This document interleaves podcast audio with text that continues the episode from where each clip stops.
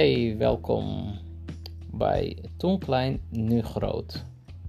Dit wordt mijn aller, aller, allereerste podcast. Dus nummer 1. Mijn naam is Abdi. Ik ga jullie uh, eigenlijk ja, door een verhaallijn een beetje meenemen, wat lachen. En gewoon lekker gezellig. Uh, deze podcast wil ik eigenlijk hebben over. Um, want ik wil eigenlijk klein beginnen. Toen ik klein was of jong was, hoe je het wil zeggen. En dan jullie vertellen over groter en uh, ja, hoe ik nu ben, zeg maar. Vandaar. Dus mijn, deze podcast gaan we ook over. Ik wil eigenlijk elke podcast een onderwerp hebben. En deze podcast wordt uh, heel simpel vakantie vakantie van toen, vakantie van nu. Het verschil. En uh, laten we maar losbranden. Vroeger op vakantie met ouders. Nou, vroeger uh, met ouders was echt top. Ik bedoel top. Um, we gingen altijd naar, ja, Um, hoe moet ik het netjes verwoorden? We gingen altijd op vakantie, dat zeker. Maar wel naar familie. Dat was onze vakantie. We gingen niet naar Frankrijk of zo. Um, we gingen naar Noorwegen. Noorwegen? Nee, ik zit niet te jokken. Naar Zweden. Uh, heel vaak, niet één keer. Omdat we familie daar hadden wonen. Uh, we gingen naar Engeland. Ja, en hoe we erheen gingen was ook altijd struggles. Noem maar bijvoorbeeld, um, ik ben een keer met, met de bus vanuit Leeuwarden destijds met de bus naar Stockholm geweest. Nou, dat was me toch een reis. Ik was nog toen best wel echt jong, jong. Uh, mijn jongste broertje was nog een baby. Dus die is inmiddels meer dan, wat is het? 30 jaar geleden? Nee. Nog langer misschien wel. Um, en dat was toch een hel, wil je niet geloven. Het was echt struggles. Je zit op een stoel ik denk dat dat echt meer dan een dag geduurd heeft. Eerst door Duitsland. Vanuit Duitsland naar Denemarken. En van Denemarken helemaal door Zweden ook. Toen kwamen we op eindbestemming. Maar dat was echt niet leuk. Zitten de hele tijd op éénzelfde plek op stoel. Heel vaak eruit voor controle. Um, wat ik wel leuk vond was dat ik met mijn twee tantes um, ging ik een keer uh, vanuit Eemuiden samen met mijn broer um, vanuit Eemuiden naar Eemuiden naar Gothenburg. Dat was 25 uur reis um, met de boot. En even kijken, ja. De bootreis op zich was echt heerlijk, die 25 uur. Ik en mijn broer sliepen op één kamer en mijn twee tantes sliepen ook op een kamer. Uh, we vaarden nog maar nog geen half uur, denk ik. En zij waren al zeeziek. Dus zij zijn echt de hele, hele 25 uur, dag en nacht, zijn ze op een kamer geweest. Wij, zijn, uh, wij hebben de hele boot verkend. Van bioscoop tot... Uh, alles en nog wat. Echt. Je hebt daar uh, zwembad. Je had daar uh, echt, echt. Dat was een wereldreis. Maar wel om u tegen te zeggen. Echt niet normaal. Mm, even kijken. Dan heb ik. Uh, dat was echt puur met de ouders en familie. En het was natuurlijk niet. Um, oh ja, dit wil ik er ook wel duidelijk bij vermelden. Vakantie voor een buitenlandse gezin is anders dan een vakantie voor een Tenminste, hoe buitenlanders dan denken. Ehm, ik weet het ook met heel veel gemeentes, uh, heel veel buitenlandse mensen mee overgaat. Zeggen, zeggen ouders, ja, we gaan op vakantie. Waar gaan we heen? Naar familie. Dat is geen vakantie. Dat is, we gaan naar familie toe. Maar zij zien het aan als vakantie. zij zijn land uit. Uh, maar wat Nederlandse gezinnen doen, zijn, is vanuit hier uh, met de auto rijden naar Frankrijk. In Zuid-Frankrijk drie weken onder de zon helemaal bruin terugkomen. Dat voor mij ook niet echt, maar ik wil daarmee zeggen uh, dat het wel twee hele twee andere verschillende dingen zijn. Kijk, we hadden neven, nichten, broers, uh, waar we mee gelijk daar waren en meespeelden. En iemand die bij mij in de klas zat, komt terug. Ja, ik ben naar Zuid-Frankrijk geweest, heb Pietje ontmoet en Klaasje ontmoet en uh, Huppelepup ontmoet. Nee, ik heb alleen maar familie gezien. um, en natuurlijk zagen wij wel iets van het land, want um, we gingen wel leuke tochtjes met familie maken. En uh, hoe noem je dat? Naar pretparken toe. Uh, winkelen, uit eten, dat wel zeker. Maar het is toch wel een soort andere vakantie. Maar eerlijk, we gingen altijd wel naar hetzelfde vakantieland. Of het nou uh, Zweden was, Engeland was, Somaliland was. Het was wel altijd eenzelfde vakantie. Um, later ging ik natuurlijk om mezelf wonen. En waren mijn ouders al inmiddels verhuisd. Ging ik om mezelf wonen, werd ik ietsje groter alweer. En toen, um, toen ging ik alleen op vakantie. Nou, dat waren de mooiste vakanties. Niet dus. Nee, nee, nee, nee, nee, nee. Um, daarom, als ik mijn familievrienden niet had, denk ik dat ik hier nu, nu niet zat te praten. Ik ging een keer in 2007 of 9. 2009 was het. Ging naar Somalië in mijn eentje. Uh, nee, samen met, mijn broer, maar ik kwam terug uh, in mijn eentje. Ik zal jullie niet te lang maken. Uh, Somalië, Somaliland is, moet je overstappen op Dubai. Van Dubai ga je met een vliegtuig die echt. Hebben we nog wel een keer een andere keer over met de gammele stoelen die naar voren vliegen en noem maar op. Gingen we naar Somaliland. Somaliland fantastisch. Echt hele mooie tijd gehad. Toen ik vertrok vanuit het vliegveld heb ik al mijn geld wat ik in bezit had op dat moment, ging ik uh, uitgeven. Aan familie, uh, familie en vrienden daar. Ja, neem jullie het maar. Ik, uh, in Dubai kan ik mijn bankpas gebruiken en doe maar hoor.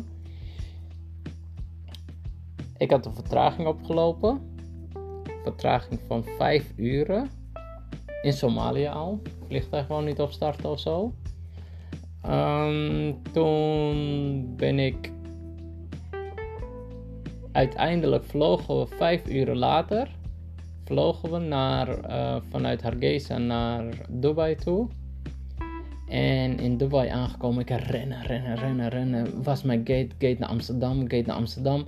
En die meneer zegt, je hoeft niet te rennen, want je vliegtuig is al twee uur, twee uur geleden vertrokken. Ik dacht, oké oké, en nu dan? Hij zegt, je kan een nieuwe ticket omboeken. En um, je kan met de volgende vlucht, die is over een paar uren. Nou, ik zei, oké, okay, wat was het? Uh, het was 100 nog wat of zo. Ik denk, oké, uh, dan ga ik het pinnen. Ik zou het later terug, terugdeclareren. Maar, um, dus ik kan naar de bank, ik kan naar de balie toe. Ik zeg ik wil een nieuw vlucht boeken. Ik wil pinnen met mijn pinpas ING destijds. Ik kom bij die balie. Pas doet het niet. Nog een keer proberen. Ik zeg ik weet dat er geld op mijn rekening zit. Nog een keer proberen. Ik zeg ik weet dat er geld op mijn rekening zit. En die Arabier, tenminste ja, die uh, die keek me aan van waar heb jij het over? Uh, jouw pas of iets zegt blokkeert. Dus dat gaat niet werken. Ik zeg, mag ik het nog één keer proberen? Hij zegt, daar is een bank. Probeer daar geld uit te halen. Kom bij mij terug, want de rij wordt steeds langer. Er stond inmiddels al een rij van uh, echt 20 tot 30 mensen achter mij. Ik denk, oké, ik zeg, is goed. Um, ik ga naar de bank toe. Hij spuugt zonder na te denken gelijk mijn pasje uit. Kijk om, ik denk, wat is er mis mee?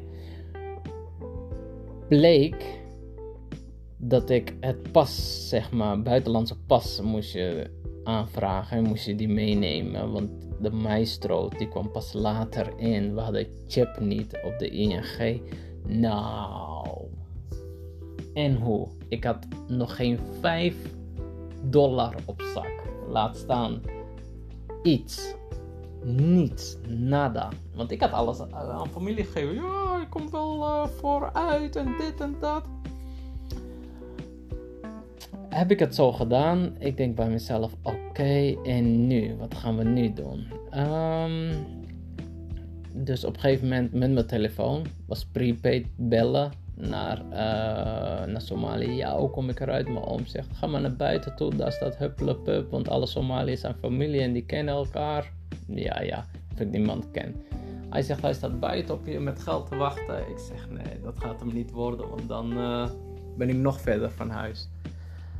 Uiteindelijk um, raakte mijn beltegoed ook op, omdat ze me constant belden. Ik belde, beltegoed op. Kon ook niet op waarderen. Nou, echt was een hel.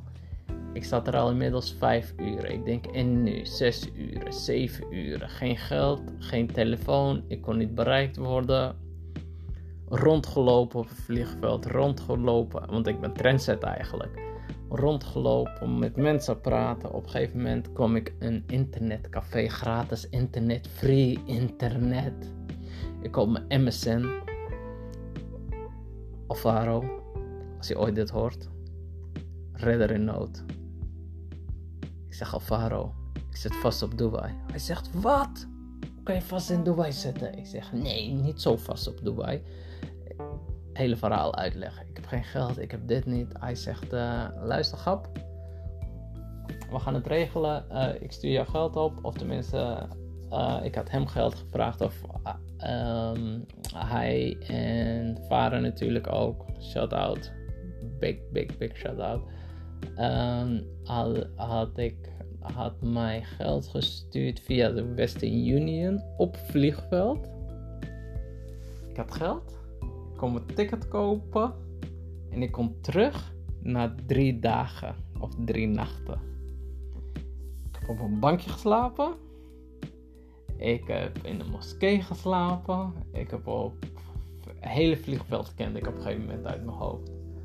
Nu als ik af, heel vaak ga ik er natuurlijk weer langs als we naar Somalië of uh, in Dubai zijn. Denk ik, hier was ik ooit, 2009. Echt niet normaal. Dus dat was wel een struggle dat ik denk, wil je nooit meer meemaken. Ik vertel je nog wel een andere keer, want ik ben echt heel goed met reizen. uh, dat ik de boot ook gemist heb. Dat was ook toen ik eigenlijk alleen woonde. Um, en nu, ja, hoe doen we het nu? Zeg maar, hoe doen we het nu uh, dat ik als vader zijnde en mijn vrouw en de twee kinderen, nou, we kiezen een vakantieland wat we op dat moment leuk vinden en vooral waar we uh, halal kunnen eten, maar ook zon. En we kijken altijd naar is er zwembad in onze hotel of iets wat we hebben. Want het hoeft natuurlijk, want elke land heeft halal dingen. Ik bedoel, maar het moet wel warm zijn. Ik, wil, ik hoef voor mij, iedereen weet het, ik hoef niet hartje winter naar Zwitserland of zo te skiën. Nee, zie je mij niet op uh, piste staan. Nee, nee, nee. Wat een grote verschil is. Um, meestal zoeken we het samen uit, ik en mijn vrouw. Um, ja. Zij regelt op zich best wel veel. Ik denk van, uh, ik zie wel als we daar zijn. ik ben heel makkelijk qua dat. Zij zoekt ook heel veel dingen uit. en dan uh, uiteindelijk uh, onderneem ik, als we daar pas zijn, meestal van: hey, zullen we dit doen? Zullen we dat doen? Ja, dat heb ik al uitgezocht. Oké, nice.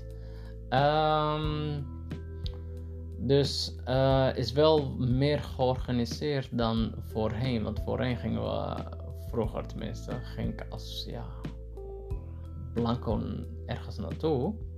En nu denk ik bij mezelf van, staat, ja, vooral vrouw, nog steeds ga ik heel vaak blanco naartoe. mijn vrouw die regelt best wel veel dingen van tevoren, of tenminste, dat probeert ze althans heel vaak. Um, zij regelt het dus. Maar waarom ik zo stil ben, wanneer zij dan niet regelt, is um, wanneer er iets mis is.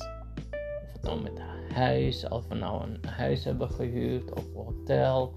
Uh, ja, dan ben ik eigenlijk de sjaak of de klos. Maar ik los dat altijd op zich wel. Ja, um, ik kan het wel netjes oplossen.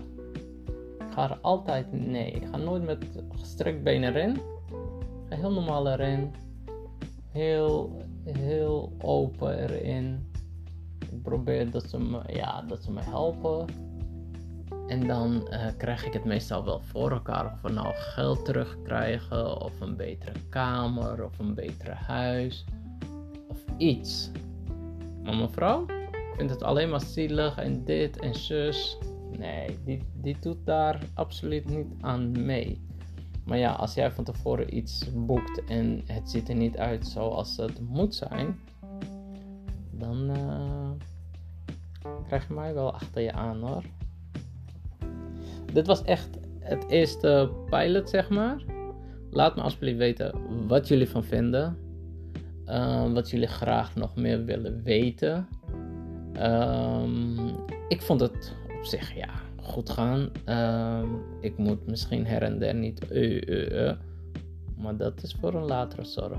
Ik zeg tegen jullie allemaal: dank jullie wel voor het luisteren. Ciao, ciao.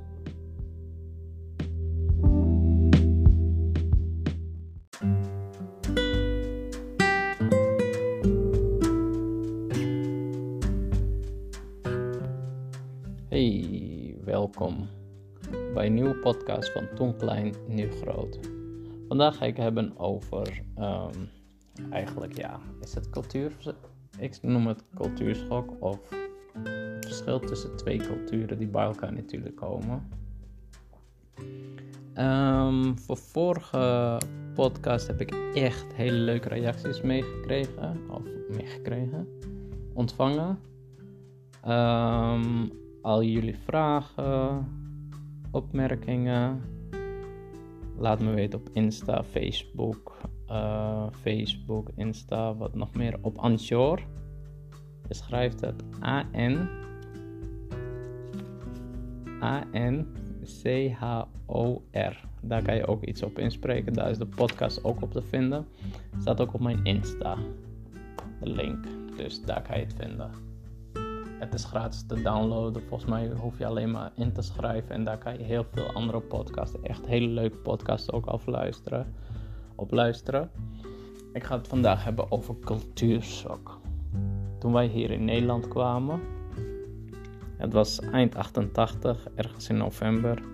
Ik weet het als de dag van gisteren. En natuurlijk, mijn ouders hebben me heel veel, echt ongelooflijk veel over verteld ook. Maar zelf weet ik er ook nog wel. Ja, ik was zes, zes jaar. Dus ik weet er zelf ook nog wel iets van. Ehm, ik weet dat we vanuit Schiphol werden opgehaald door mijn vader. En zo'n Nederlandse vrouw die mijn ouders hielp destijds, noem het nu inburgeren. Maar ze hielp met uh, zaken van gemeente, noem het maar op hielp zij je mee. Echt een hele leuke vrouw. Die hield ons op vanuit Schiphol. We reden helemaal terug naar huis. Destijds natuurlijk Leeuwarden. In Otloon. Onze oude wijk. Daar heb ik altijd gewoond samen met mijn ouders. En ik en mijn broer, Farah, mijn oudere broer, uh, we kwamen aan. Ik, ik sliep in ieder geval. Toen we bij ons thuis aankwamen, werden we wakker gemaakt. Op een gegeven moment stapten we de auto uit. Chaplets. Het eerste waar ik op stapte, chaplets, dat was met mijn sandalen vanuit Somalië, was sneeuw. Nou, ik wist niet wat ik zag. Ik zag voor het eerst sneeuw. Het was ijskoud. Ik had korte broek aan. Nou, echt. Ik, ik durfde de auto niet uit. Ik werd uit de auto geteld naar huis, naar het huis in. En uiteindelijk kwamen we in het huis. Een beetje rondkijken. Werden we naar boven geleid. Uh, de trappen op. Uh, zo moet je de trappen op. Dus het lijkt net, je bent net een kleine kind die eigenlijk alles opnieuw moet leren, omdat alles nieuw voor je is. Dus het was wel even schrikken. Uiteindelijk we zaten aan de tafel, eettafel, ik vergeet het nooit meer. Sommigen van jullie lachen, denk ik weer wat een mafkees. Maar het was rond 11 uur, 12 uur denk ik s'avonds. Het was al koud. En op een gegeven moment gingen we eten. En mijn moeder maakte ranja in een van die doorzichtige kannen. Uit de kraan. Natuurlijk uit de kraan, uit de kraan deze beetje warm water. Uh, lauw water moet ik zeggen. Deze bij de kan. De kan was glas. Ik had niet gezien dat zij ooit dat ranja in deed. Dus zet even een beetje lauw water, dat het niet te koud was. Deze erbij. En dat zetten ze op tafel. Nou, echt, het was zo en zo lekker. Ik denk dat ik bijna een liter op had. Op een gegeven moment drinken, drinken, drinken. S'avonds gingen we slapen. Uh, alles koek en ei. Dus ik denk lekker slapen. Gingen we slapen. Ochtends ik werd wakker. Uh, het eerste wat ik deed was naar diezelfde kraan in de keuken gaan. Ik zag mijn moeder natuurlijk met de kan, dat de kan, en toen zij onder de kraan deed, dat er iets roods uitkwam. Dacht ik op dat moment. Dus uh, ik deed de kraan aan, kwam niks roods uit, kwam water uit natuurlijk uit de kraan. En stromen en stromen en stromen. Ik denk, kan toch niet? Ik zag het gisteravond zelf. Ik denk, uh, oh, misschien als ik mijn mond eronder hou, als je er iets eronder houdt, dat het dan, dat dan de limonade uitkomt. Ik doe mijn mond eronder. Ik had hem op dat rode streepje gezet. Ik verbrand mijn hele mond. hele mond heb ik verbrand daar. Echt niet normaal echt, het was echt. Voor ons was zoveel dingen. Wat voor heel veel mensen normaal is. Ik kan je nog wel andere dingen erover vertellen. Ehm, dat ik bij mezelf denk van, ja, wat nu? um, wij gingen ook naar de basisschool natuurlijk gelijk. Uh, voor ons was het volgens mij wij hadden echt het Nederlandse taal hadden we best wel snel opgepakt. Omdat je natuurlijk met allemaal kinderen buiten speelt. Naar school gaat, naar uh, buiten, buiten spelen, voetbal. We gingen heel snel ook op voetbal. En ik bracht altijd mijn broertjes, zusjes ook. Die liepen met mij mee naar school.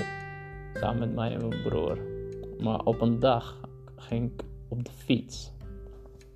Mijn jongste broertje Ahmed, die ging bij mij achterop. Uh, onze school was ook in het loon, maar was wel ongeveer 10 minuten. 10 minuten lopen, misschien wel langer, 15 minuten lopen. was best wel nog een stukje lopen. Dus um, we gingen bijna altijd lopen of op de fiets. Ik had op de fiets achterop had ik hem meegenomen. En op een gegeven moment, ja hoor, waren we echt bijna bij school. En ik zei de hele tijd, hij zat bij mij achterop, ik zei de hele tijd tegen hem, hou je benen wijd. Dus niet met je voeten uh, bij de wiel. Ik denk dat we nog, wij konden makkelijk, ik kon makkelijk op de school al zien, de basisschool. En op dat moment komt zijn rechtervoet tussen de spaken. Huilen, huilen, janken, niet normaal. Er was niet zoveel aan de hand, maar er was een van zijn tenen was uh, geschaafd.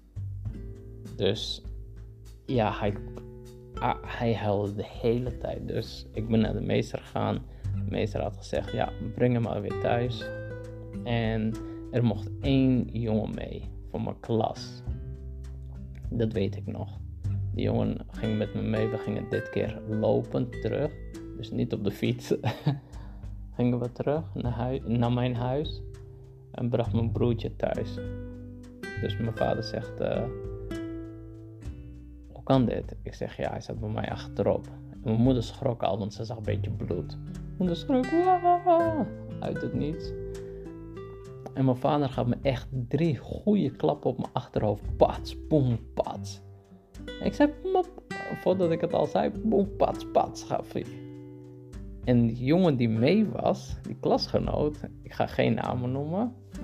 Maar die jongen die mee was, toen hij de eerste klap zag, rende hij terug naar school. Dus op een gegeven moment, uh, ik zeg tegen mijn ouders ook, ik ga naar school toe. Um, ik had echt veel pijn ook, want mijn vader was best wel boos. Dus ik ben naar school gegaan. En die jongens vertelden de hele klas, plus de meeste. Zei, nee joh, stel er niet zoveel voor. Voor ons was dat nog gewoon een klap.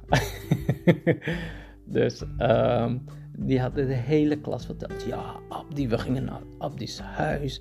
En zijn vader die gaf hem echt vette dikke klappen. En ik dacht bij mezelf, ah, stel je niet zo aan joh. Uh, maar ja, hele klas, hoe gaat het? Ja, ik zeg ja, normaal. Dus, uh,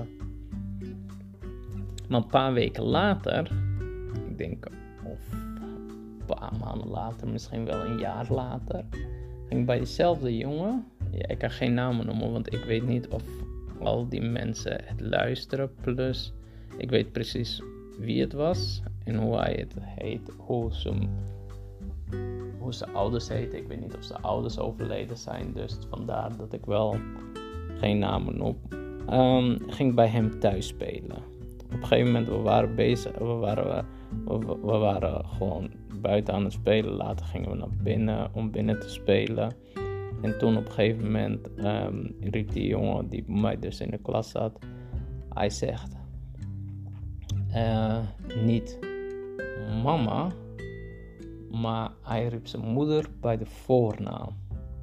Nou, ik dacht dat mijn wereld verging of vergaat of dacht, wat zeg jij allemaal? Dus hij zei het nog een keer, de naam van zijn moeder. Nou, ik denk bij mezelf, en nu?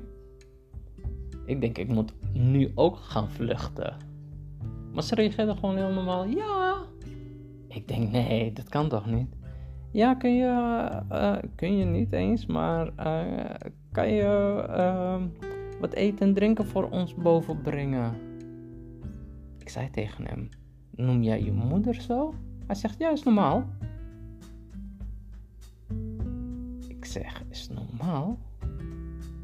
Is normaal? Oké. Ik ben nu bijna tegen de 40, 37 jaar. Ik heb mijn moeder nog nooit bij haar naam genoemd. Dus hij schrok van de klappen die ik thuis kreeg toen mijn broertje met zijn voet tussen de spaken kwam en hoe hij zijn moeder bij haar voornaam riep, wil ik toch zeggen dat het wel qua cultuur toch een wereld van verschil is. Uh, voor mij was het ja, gewoon drie klappen op mijn achterhoofd. Echt. Dat mijn vader dacht van hoe dom kon je zo zijn om die kleine jongen, je, eigen broertje, zo pijn te laten lijden. Wauw.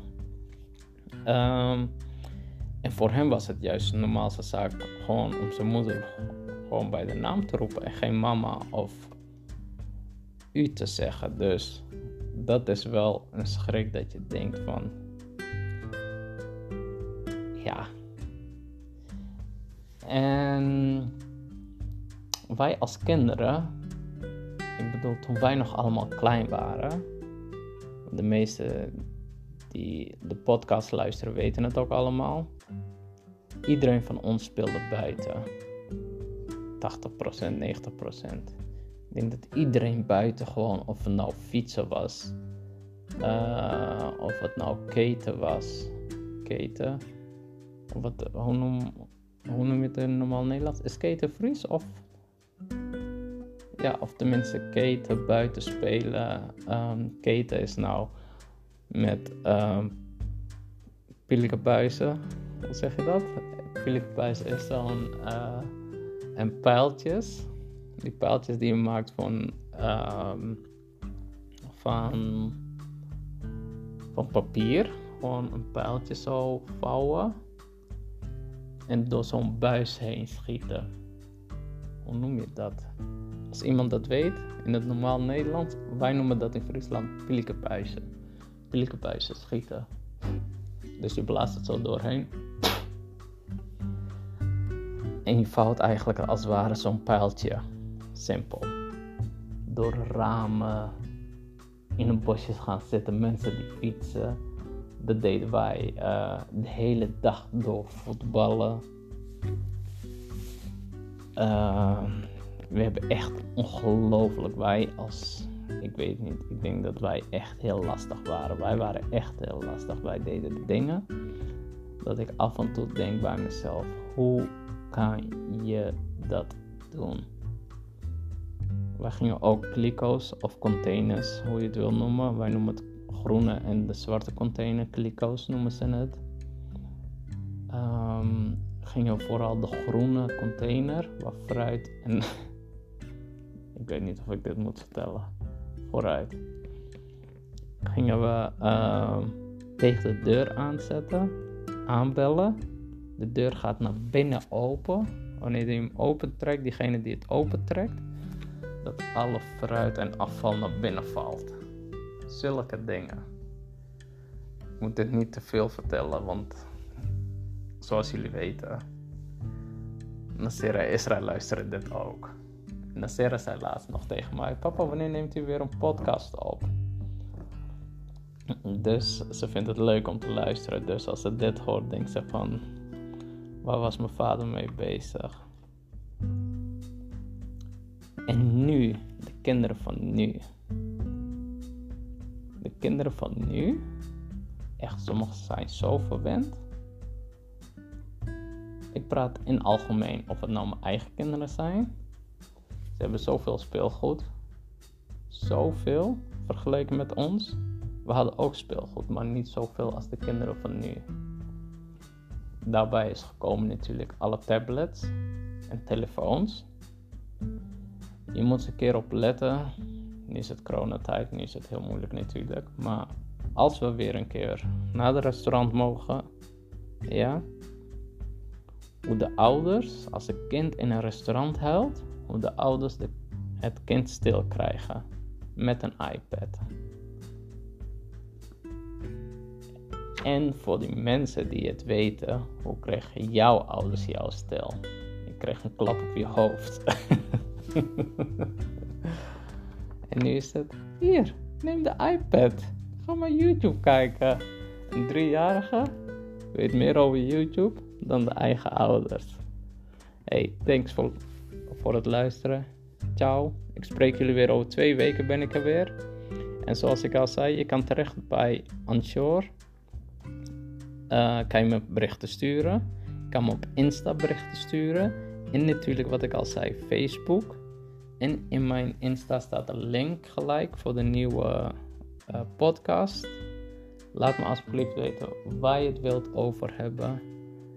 Um, de volgende heb ik ook al. Maar die komt over twee weken. Ciao, ciao.